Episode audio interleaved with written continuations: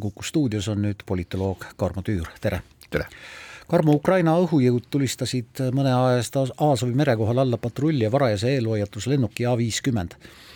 Venemaa propaganda väitis aga, et lennuki hävitas ekslikult Vene õhutõrje sõbralik tuli, no Jeesus, kellele ja miks sellist jama aetakse? Ehm, noh, kellele aetakse, endale aetakse. miks aetakse, väga lihtne põhjus, asi selles, et kui nüüd tunnistada seda, et oletame, et Ukraina lõi selle lennuki mitmuses alla süsteemiga Patriot, siin on väga olulised äh, arvnäitajad, äh, selle laskeraadius on umbes sada kuuskümmend kilomeetrit, lennuk lasti alla umbes saja viiekümne kilomeetri kaugusel rindejoonest. Mis tähendab seda, et ukrainlased pidid viima selle väga kalli süsteemi praktiliselt otse rindejoonele ja see tähendab kolme halba asja Venemaa jaoks. esiteks, et Ukraina kontrollib liiga hästi olukorda maal, ta julgeb teha seda asja, teiseks äh, ta kontrollib liiga hästi olukorda õhus ja kolmandaks, tal on liiga hea toetus lääne luurelt, sest et äh, see pidi olema, kuidas öelda, varane eelhoiatus, et see äh, lennuk on õhku tõusnud ja suundub sellest trajektoori, tooge nüüd palun vaat täpselt sel hetkel see süsteem siia kohta, tehke laske ära. Need kolm asja, kolm halba asja tuleb kuidagimoodi tasa rääkida ja, ja kõige lihtsam siis jah, selline on see lihtne loll vale, et noh, vaadake jah, ei, ukrainlased ei midagi, meil endal juhtus tööõnnetus veel suurem vale on see, mida on ka väidetud, et tegelikult on see üldse võltsuudis. A50 lendab ja sillerdab nüüd hoopis teistes regioonides, aga sama edukalt ja tervelt edasi, aga no põhimõtteliselt on siis no veel suurem vale, keda sa siin petad, omaenda professionaalseid piloote, et üle Aasovi mere on ohutu lennata, eks ole. jah, see on selline, kuidas öelda eh,, valede laviin, mis on vaja käima lasta selleks, et lihtsalt vähendada vastaspoole võimekuse mõju omaenda, psühholoogilist mõju omaenda pilootidele. sest et no tõepoolest, kui sa oleksid ise Vene sõjalendur ja sind saadetakse missioonile, millel sa tead, et tähendab, kui sinu omad laskid alla, siis see on juhus ja tõenäoliselt seda ei juhtu enam. kui vaenlane laskis alla, siis tõenäoliselt nad teevad seda veel. nii et milline on sinu motivatsioon minna sinna? jah äh,, äh Venemaa sõdib siiski paljuski tsiviilelu arvel, vähemalt eh, noh, sotsiaalmeedias võib aeg-ajalt leida üksikuid eh, viiteid sellele. noh, eh, kas või siseriiklike lendude kaudu, üks uudis ütleb, et mõned reisilennukid, mis Venemaal siiamaani lendavad, on pool sajandit vanad. väidetavalt on inimesed isegi suuremates linnades külmas, ei köeta. nii et probleem ikka jätkub, aga nende ees on müür, mis tähendab, et nad ei jõua, need probleemid meieni ja lääneni no nad ei ületa meie jaoks lihtsalt uudiskünnist. see, et noh, mingisugune jah, seal siseriiklik, riiklikud lennuliinidel noh, põhiliselt kurseerivad ju lennukid AN viiskümmend ja et nende eluiga on jah, umbes viiekümne aastane ja, ja põhimõtteliselt on kaks varianti, et kas siis lõpetada üleüldse siseriiklik lennundus ära Ehm, aga kaugpõhja ja kaug-ida teisiti mitte kuidagimoodi varustada ei saa, siin pole alternatiive lihtsalt. ja, või siis eh, lootus, et noh, vast saame Hiinast mingisugust abi.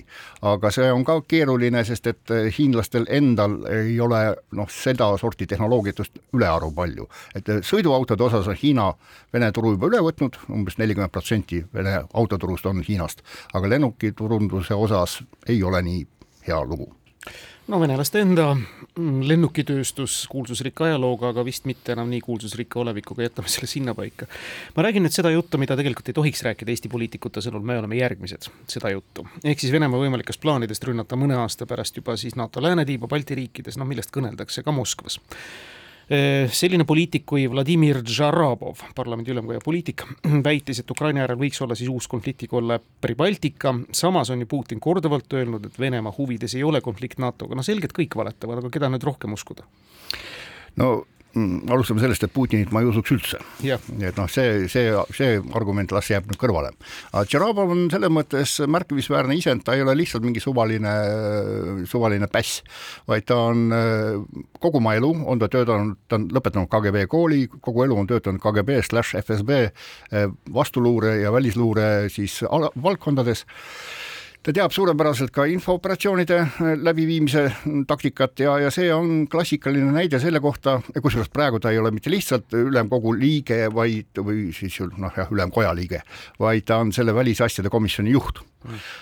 ja see on tegemist sellise klassikalise infooperatsiooniga selleks, et panna läänt muretsema erinevate stsenaariumite üle, et lääs äh, pihustaks oma ressursse, ei suunaks neid kõike nii ähm, nii-öelda vaba lõdvarandmega Ukrainasse et see on jah, selline hästi läbi viidud infoop ja näed, kõlab vastu küll.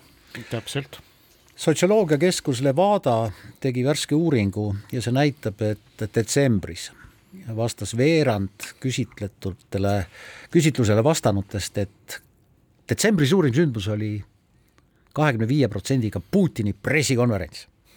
Järgnes viieteistkümne protsendiga sõda Ukrainas ja seitsme protsendiga sõda Lähis-Idas. halbu olmetingimusi nimetas vaid kaks protsenti. kui jätta Iisraeli ja Gaza mm, sõda välja, siis tegelikult täpselt samad tulemused olid Levada uuringus aasta tagasi. ma ei tea, kas nüüd vassib Levada või ongi see nii ei, Levada keskuse professionaalsuses mina ei kahtleks, seal on muidugi omad teatud konksud, aga ei, üldiselt eriti neid pika longituudiga küsitlusi, neid nad teevad professionaalselt, nad mõõdavad seda, mida mõõta on. ja, ja tõenäoliselt, kui nad said sellise tulemuse, siis selline, mm, selline vastuste voog ka oli. kas nüüd need inimesed vastavad siiralt või mitte, see on omaette küsimus, aga seda jällegi Levada mõõta ei saa. aga jah, ei, keskmise venemaalase jaoks?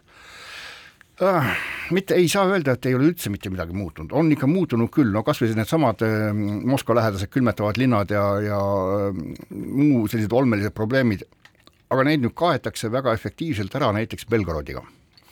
see, et Belgorodi püstitati need betoonvarjendid ja toodetakse sealt kogu aeg selliseid nii-öelda kangelaslinna uudiseid et see paneb ju keskmise venemaalase mõtlema, et oi noh, okei okay,, ma küll külmetan ja muidu on niru olla, aga, aga vaata, kuidas Belgorodis on. seal on veel hullem. seal on veel hullem ja minu jamad, need on kõik köki-möki võrreldes selle suure pildiga ja selle suure pildi eest vastutab Vladimir Putin ja loomulikult mõista, me peame teda toetama. nii et jah, suhtumine selles mõttes ei ole muutunud tõesti no mass, mida hakleja masinasse rindel ikka kaetakse, on no meeletu, ei kujuta ette, aga no venemaalasi veel on palju, neid on sada nelikümmend miljonit pluss.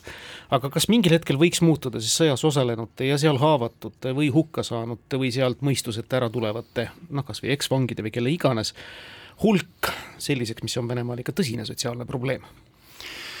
No ütleme nii, et Venemaa sündivus on vähenenud kordades, aga praegu ikkagi sünnib keskmiselt umbes miljon inimest aastas, mis tähendab seda, et ehm, noh, ütleme, kui sellest nüüd isegi iga aasta käigus sada tuhat hakkliha masinasse ajada, siis nüüd riik selle pärast seisma ei jää, küll aga jah, see rahulolematus nende lähe, mitte niivõrd need inimesed ise, kes hukkuvad, nemad enam probleemi ei kujuta, eks ole ju.